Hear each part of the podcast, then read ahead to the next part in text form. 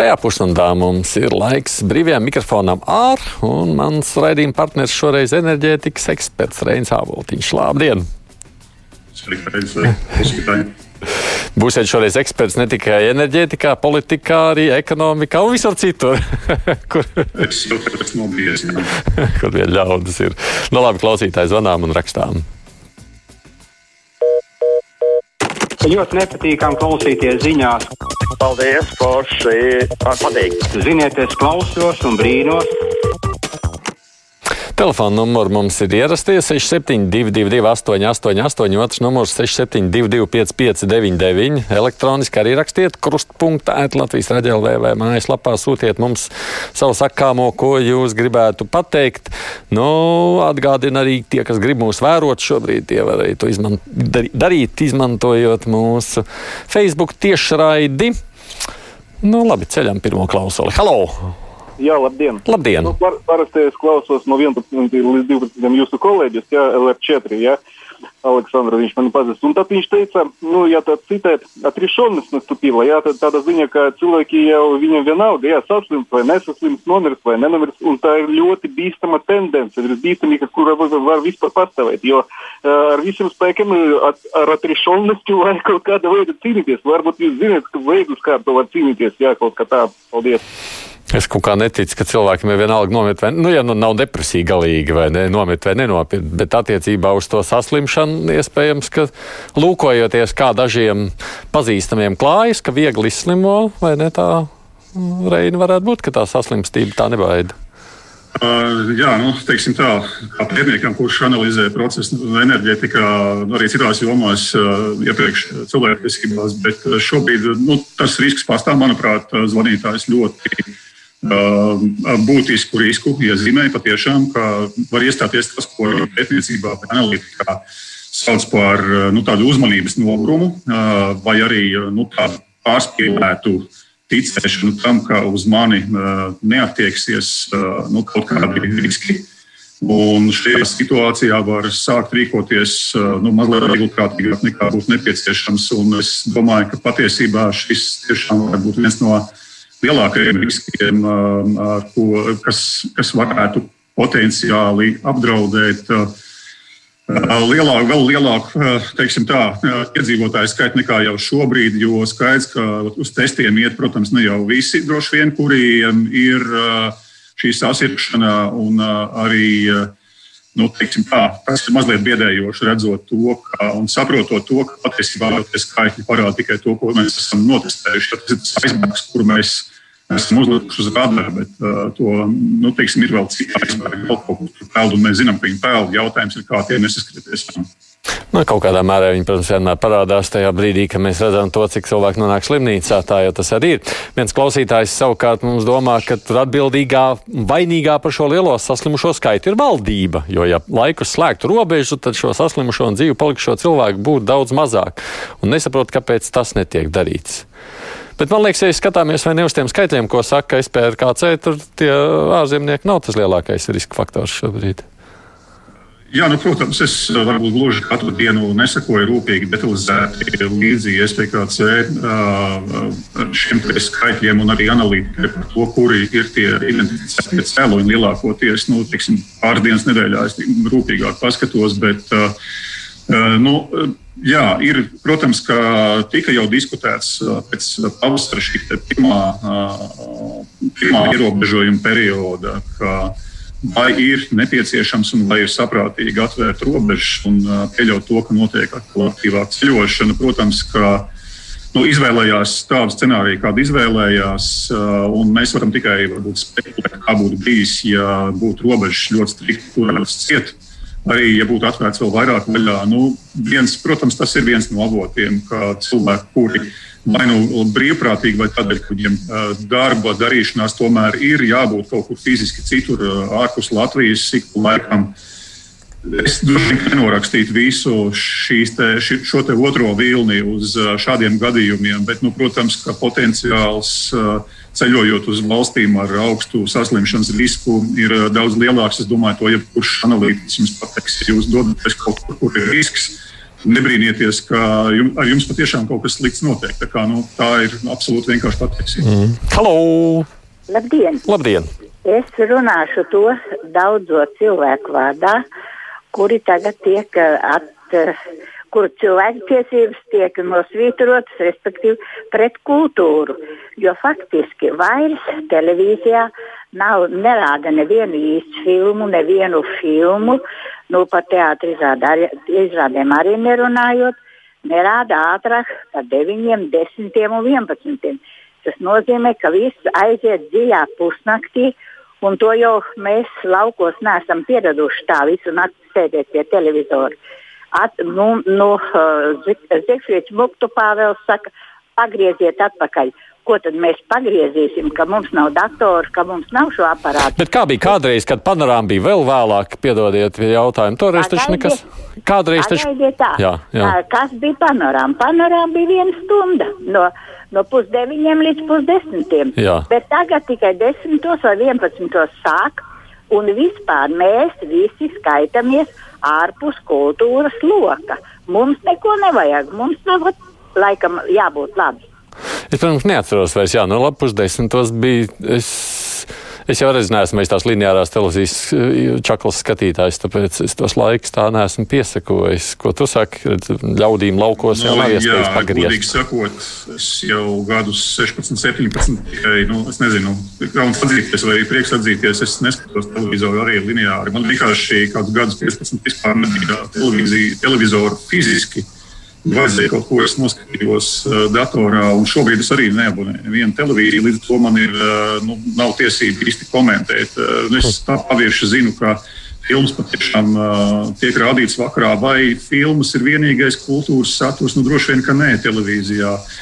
Jautājums, protams, ir par to, vai, nu, vai tad, ja ir patiešām kaut kas interesants, vai tam tiešām piemērotākā vieta ir pēc tiem deviņiem. No otras puses, nu, pilsētās dzīvojošie, kā kundze arī ļoti taisnīgi norādīja, pilsētās dzīvojošiem tieši pēc deviņiem sāks varbūt tas brīvais vakara cēliens, kad viņi kaut ko grib atslābināties un grib kaut ko redzēt. Tas, tas ko viņi sauc angļu valodā par prime time vai, vai to labāko laiku, jā, bez maz kādu brīdi pēc visiem ziņu raidījumiem, kad nu, jā, visi salikuši pie ekrāniem un gaida kaut ko izklaidējot. Es arī ļoti labi saprotu šo argumentāciju Bieži vien esmu diezgan noguris jau pēc deviņiem, un, ja vēl kaut kas ir pastrādāts kārtīgi, vēl vakar cēlienā, tad, godīgi sakot, man būtu tā, televizors, es varbūt nemestos ar milzīgu entuziasmu iekšā televīzijas programmās. Nu, līdz ar to es esmu spiests izmantot uh, maksas abonēšanas pakalpojumus, lai skatītos saturu caur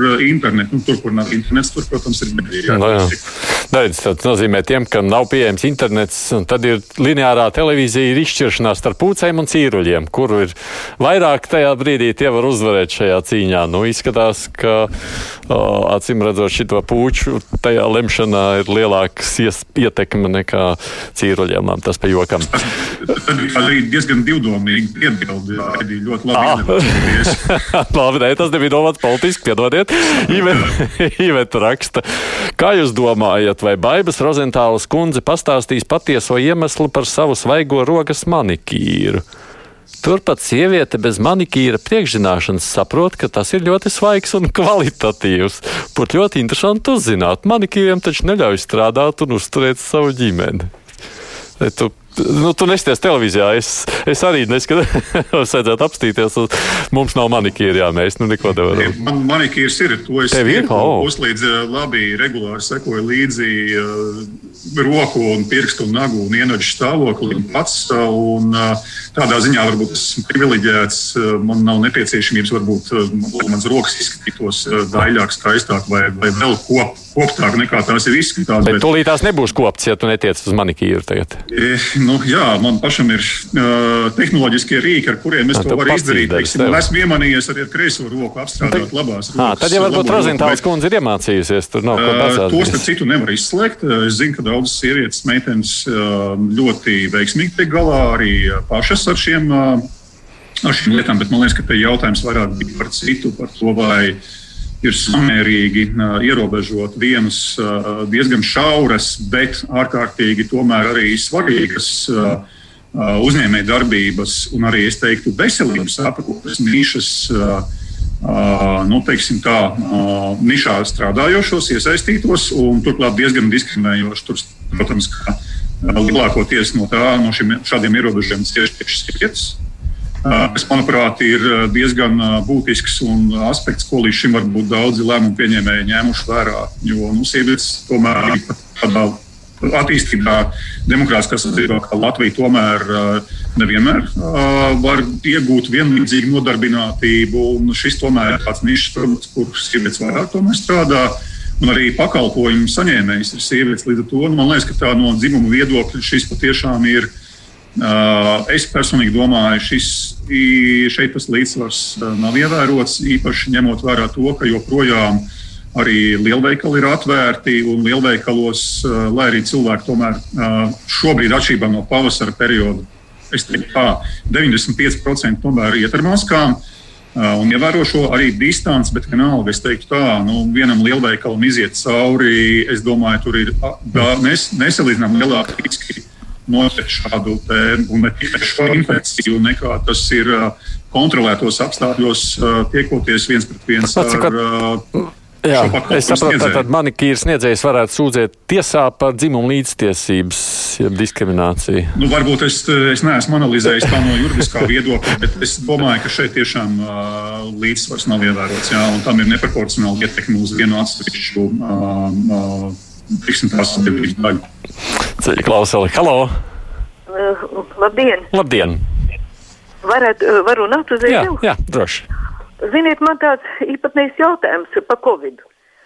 Nu, kā tas sanāk, vat šobrīd, vai ne? Mēs zinām, teiksim, cik Igaunijā saslimuši, cik Lietuvā saslimuši, bet Latvija nevar saskaitīties līdz pašam vakaram. Kā to saprast, kas mums par skaitāmā sistēmu pilnīgi atsevišķi mēs taču neesam tā lielākā uh, lielvalsts, jā, šajā gadījumā lietuvieši ir lielāki par mums un visiem saviem procentiem un skaitļiem. Mums šādi tad esam par to runājuši, jā, mēs kaut kā skaitām citādāk nekā mūsu kaimiņu, tāpēc, piemēram, vakar mēs to trako skaitli uzzinājām tikai pēc trījiem, jo bija liels skaitlis, jo lielāks skaitlis, jo mums lēnāk skaitās. Nu, ilgāk skaitās, tā jāsaka, bet es droši vien jāprasīju kolēģiem, lai viņi pas, pa, noskaidro, kāpēc tā salīdzinošā sistēma ir tik atšķirīga. Viņam kaut kas tur ir pareizāk nekā pie mums. Varbūt.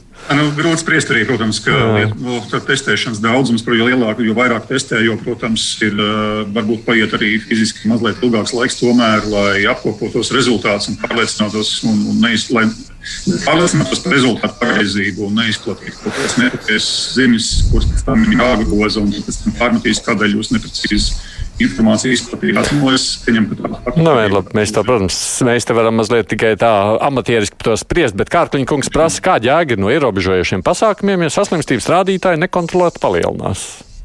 Dzīvojam tāpatās, nu, lai tad palielinās. Es domāju, ka tas ir ceļš uz nekurieni. Tā nebūtu īpaši, manuprāt, atbalstāma attieksme šajā gadījumā. Man liekas, ka izšķirošie divi vārdi ir attieksme un uzvedība. Un, ja mums būs tāda attieksme, ka, nu, labi, kas būs, būs, nu, tad tā arī būs. Un es domāju, ka tas sliktākais scenārijs ir diezgan reāls. Mēs zinām, ka viens no mērķiem likumiem saka, ja kaut kas tāds, ja lietas atstātas pašplūsmai, tad tam ir tendence virzīties no mazāk ļaunuma uz lielāku. Es domāju, ka infekcija gadījumā tas ir ļoti precīzi. Es domāju, tad mēs redzētu tādus skaitļus, par kuriem mēs labāk negribētu vispār runāt šeit. Jā, lūdzu! Labdien! Labdien.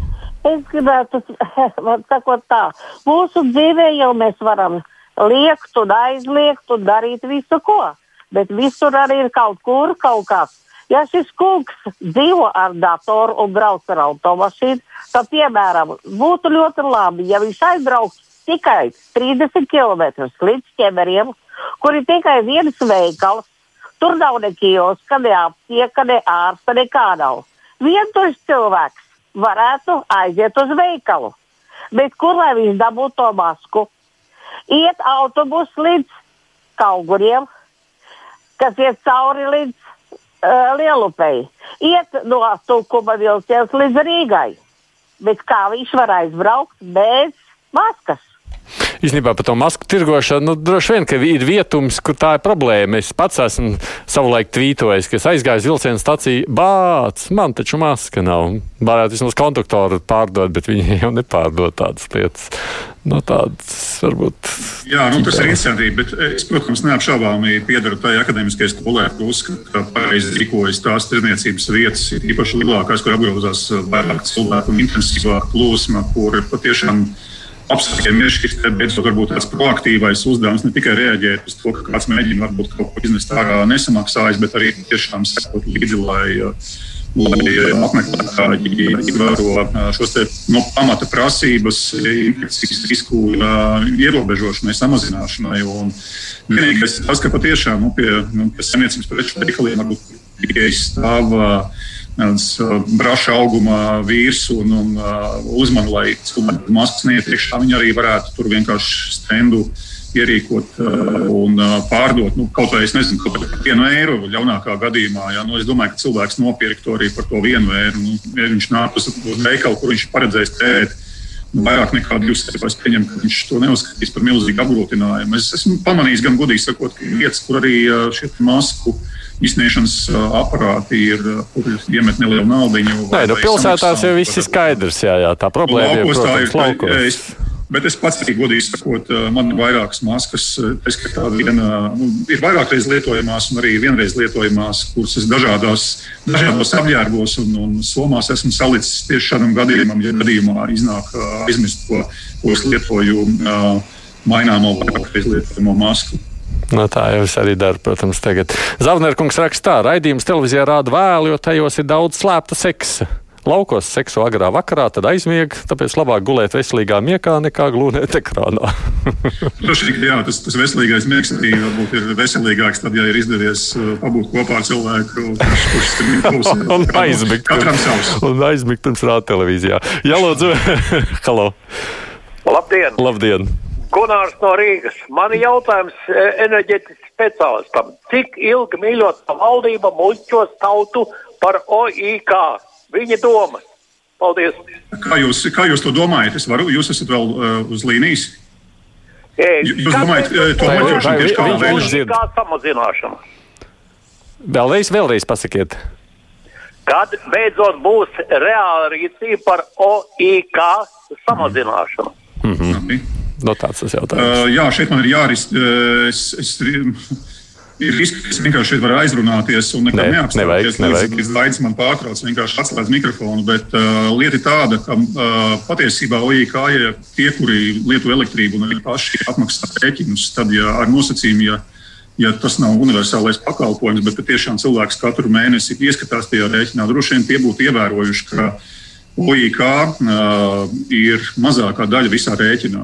Lielākā daļa ir uh, elektrības uh, kā preces, kā produkta cenai. Uh, līdzīga daļa apmēram ir pārvades un sadales pakalpojumiem. Un, un, un trešā lielākā daļa ir PVN, uh, kas veido teiksim, gala maksājumā par elektroenerģiju. Uh, mans viedoklis, ko es mēģinu tagad vēl uh, 30 sekundžu laikā noformulēt, ir tāds, ka visa šī OIK jēga ir krietni pārspīlēta. Patiesībā cilvēki vienkārši neseko līdzi, kas ir rakstīts rēķinos. Protams, arī tad, ja rēķins ir tikai 7 eiras mēnesī, NOIK ir nu, ne vairāk ir zem 10% šī rēķinā, var teikt, nu labi, arī tie 65 centi man tur nu, teiksim, gada griezumā savāc 10 eiro. Bet no otras puses, man liekas, ka lielākā problēma ir, ka cilvēki neseko līdzi, kas ir vispār kādu elektrības produktu viņiem ir šis rēķins. Daudzi Sešus gadus pēc uh, elektrības tirgus atvēršanas joprojām dzīvo ar tā saucamo universālā pakalpojumu tarifu. Tas ir dārgākā elektrība, ko jūs varat pirkt. Es nepārspīlēju, man pie manis ļoti regulāri vēršās cilvēki, un kad uzzina, ka var mainīt tirgotāju, viņiem vienkārši viņi apraudās aiz laimes, ka viņi uzzina, ka, piemēram, tirgus cena elektroenerģijai, izņemot šodienu, bet tirgus cena elektroenerģijai visus šos piecus gadus ir bijusi gandrīz uz pusi zemāka nekā nu, faktiski uz pusi zemāk nekā tas pats universālā pakalpojuma cena elektroenerģijai.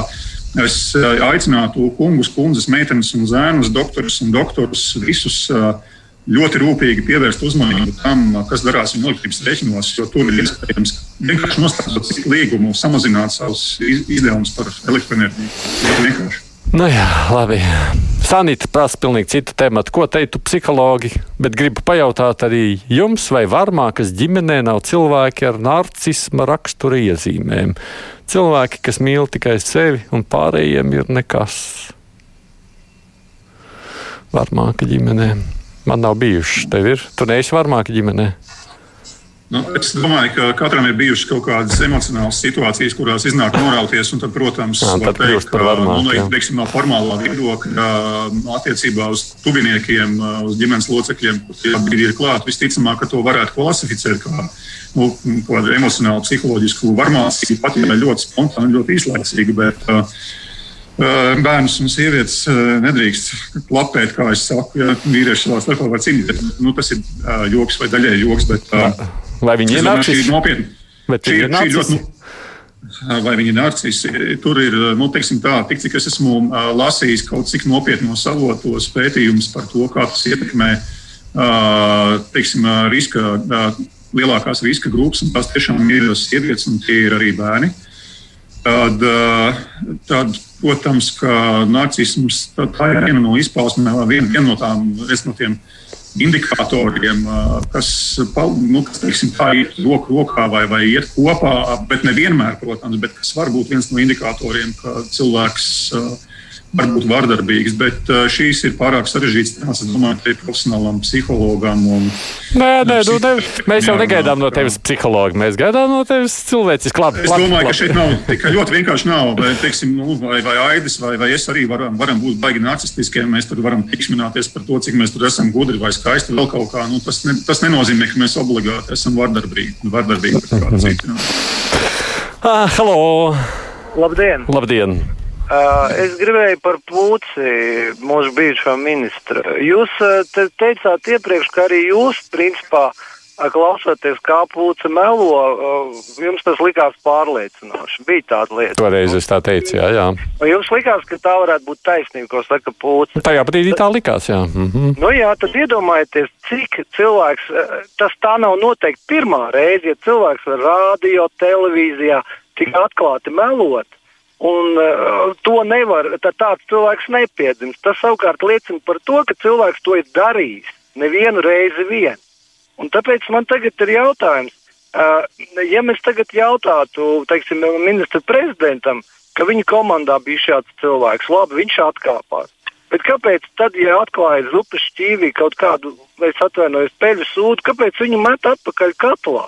Kādā veidā mūsu deputāti, kā organisms, pieņem šo te caurkritušo cilvēku, kuram principā nevar vairs mandātu atgriezt, bet es domāju, ka neviens no vēlētājiem vairāk uh, pūcēm neusticās. Ka Drīkst ne par šo tematu tādā tiešā jautājumā. Es nezinu, kā tev, tu esi melojis dzīvē, bet tā pavisam godīgi. Jā, es esi, vai ne? melojis, Parasti jau, kad tu jā. meloji, es arī esmu melojis. Ir Īpaši es domāju, nu, tā, kad vecākiem gribēja samalot. Nu, tu to dari tā, lai pēc iespējas pārliecinošāk, lai tev nepieķertu. Vismaz es tā. ir, ir, ir, ir, ir baltie meli, melnie meli, pavisam Balti? melnie meli. Droši vien viss kaut kas, tas ir vesels fenomens un veselu, vesels, veselu Nē, ne par baltiem vai par melniem, bet par to, ka to jādara ļoti pārliecinoši. Tā taču tas ir, vai ne? Nu, kā citādi. Vai nu, vai nu melnā Žēl, tā tas notiek, bet man liekas, ka te ir svarīgi cita nianses, ka te ir runa par labu pārvaldību. Un, protams, ka šai gadījumā pat ja labs eksperts un no- nozares zinātājs, eh, kurš ir publiska, politiska persona, to dara, to pilnīgi noteikti nevar uzskatīt par labu praksi. Es vienīgais nu, domāju, ka mm, ko Pūcis kungs tieši domāja tajā brīdī, kad viņš to darīja. Es, tas tiešām būtu interesanti saprast to, to uh, domu secību un, un to domu gājienu, kādēļ. Kad viņš pats to riskēja, es domāju, ka šādas lietas publiskajā tēlā, īpaši tas augsts stāvošs publiskā amatpersona, tomēr agri vai vēl nonāks publiski, vai nu pats nejauši izrunāsies, vai kāds to metodiski izdarīs, ir ārkārtīgi maza ticamība ka, ka mānīšanās publiski netiks pamanīta agrāk vai vēlāk. Tādēļ es domāju, ka tā, ne, tā nav laba praksa jebkurā gadījumā. Un pat ja tie ir baltie mēli, man liekas, ka tur arī ir. Nu, tiksim, lai ne- nesētu paniku, mums ir kaut kāds apdraudējums sabiedrībā. Jautājums, vai politiķiem vajadzētu tikt pret informāciju. Ja kāds viņam jautā, vai mēs esam milzīgi apdraudējumi priekšā, tad nu, tur ir Es, godīgi sakot, man pat nav īsti atbildes. Iespējams, lai neizraisītu paniku un pagūtu sagatavoties laikus tam, kā sabiedrība varētu reaģēt. Iespējams, ka varētu teikt, ka nē, šobrīd mums nekas tāds nav. Tad, bet tur ir, ļoti trausla, man liekas, tā robeža, kurā brīdī tu uh, nu, par kaut kādām kritiskām situācijām vēl nestāsti patiesību. Varbūt tā tie nav arī gluži mēlī, jā, bet, nu, bet vienkārši publiskā pārvaldē to darīt. Nē. Man Sanita pārmet man, ka es esmu, vardarbība nav lieta, par ko būtu jāsmējas. Es esmu paņirdis par nopietnu tēmatu. Es tā negribēju. Es izklausās, esmu atkal Nē. par, par pār, Nē, nē, nē, šeit es domāju, es domāju, ka šeit mēs ļoti nopietni, man arī ar Jā. savu senāku cilvēktiesību pagātni, es ļoti, ļoti labi apzinos to, kāda riska ir. Un, uh, un tas ir diezgan šausmīgi, ka 21. gadsimtā mums joprojām jārunā par tādām lietām kā vardarbība bērniem, sievietes ģimenē. Rīta savukārt saka, tauta redz visu. Arī viņķelis nemazgātos matus, Petrāvičs dziļo dekoltē un reira nošķieptās kurpes. Pasties, ko cilvēki dara. Viņi nevis klausās, ko saka ministrs, bet pēta viņa apģērbu. Mūsdienās arī mūzika klausās ar acīm, jā, mēs to ļoti labi zinām. Kā, nu, tas ir katra paša, tas ir cilvēku uztveres īpatnības. Vai dzird, vai redz, vai, vai jāizlasa. Ir, nu, ir dažādi cilvēki, un dažādiem cilvēkiem dominē tas orgāns, nu, teiksim, tās maņas. Vienam redzēt, primāri, citam dzird. Jā. Mm. Vēl viens zvans. Halo! Labdien! Labdien! Es sapratu, ka jūs gatavojaties apspriest, kas mainīsies 46. ASV prezidenta laikā. Nu, radikāli nekas nemainīsies, tāpēc es jums iesaku vēl nesasteigt, dalīt savā starpā pulicē balvu. Vienā ziņā gan noteikti būs pārmaiņas. Trump kungs savā otrā termiņa laikā vairs nebūs iecietīgs pret negācijām, kas bojā krietni amerikāņu dzīvi, ļaut pārvērst valsts po otro Venezuelu vai pat Haiti, un amerikāņu jauniešu padarīt par bezdzimumu organismiem. Hmm, interesanti. Man gan, nu jā, nē, labi, tas bija laika par vakardienas raidījumu, kur mēs divās puslaidēs spriedām par to, kas varētu mainīties, ja nāks Baidens, bet, nu, izskatās, ka cilvēks netic tam. Viņš domā, ka Trumps. Savu sektoru var teikt, ka visticamāk, ka būtiskākā izmaiņa, kas saistīta ar enerģijas un klimatu politiku, tad uh, mēs zinām, ka prezidents Trumps uh, ļoti aktīvi noliedz uh, cilvēku izraisītu, izraisītu darbību ietekmi uz klimatu pārmaiņām, uh, neskatoties to, ka ir pietiekami daudz uh, aprobētu zinātnisku pētījumu, kur liecina par pilnīgi pretējām lietām. Un skaidrs ir tas, ka uh, šobrīd ievēlētais uh, jaunais prezidents Baidens atgriezīsies pie klimata un enerģētikas politikas. Pilnīgi citā veidā, radikāli citā veidā, un, uh, manuprāt, viņa komanda daudz augstāk vērtēs cilvēku ietekmi uz klimatu un vairāk uzmanības pievērsīs uh, tam, lai arī enerģijas ražošana un patērēšana notiek ilgspējīgā veidā, nevis piecilpojot dabu, vidi un apdraudot cilvēku veselību. Tā būs ļoti būtiska izmaiņa. Ingrīda raksta, ka pagājušā piekdienā viņiem speciālais dienas izdalījis mājās maskas katrai pa vienrei, bet nu, ļoti sliktas kvalitātes. Te viņi garāk raksta, bet man arī nav laika vairāk. Tā kā redz, arī tādas lietas notiek. Paldies! Reinis Zāboltiņš, enerģētikas eksperts šoreiz bija. Paldies, eksperts Covid kontekstā un ne tikai visās tajās lietās. Pēc ziņām mēs šeit runāsim savukārt jau ar žurnālistiem, pārnāsim nedēļas aktualitātes. Covid tematika noteikti būs viena no tām, ko runāsim. Ekonomika, budžets un arī citi temati būs mūsu uzmanības lakā.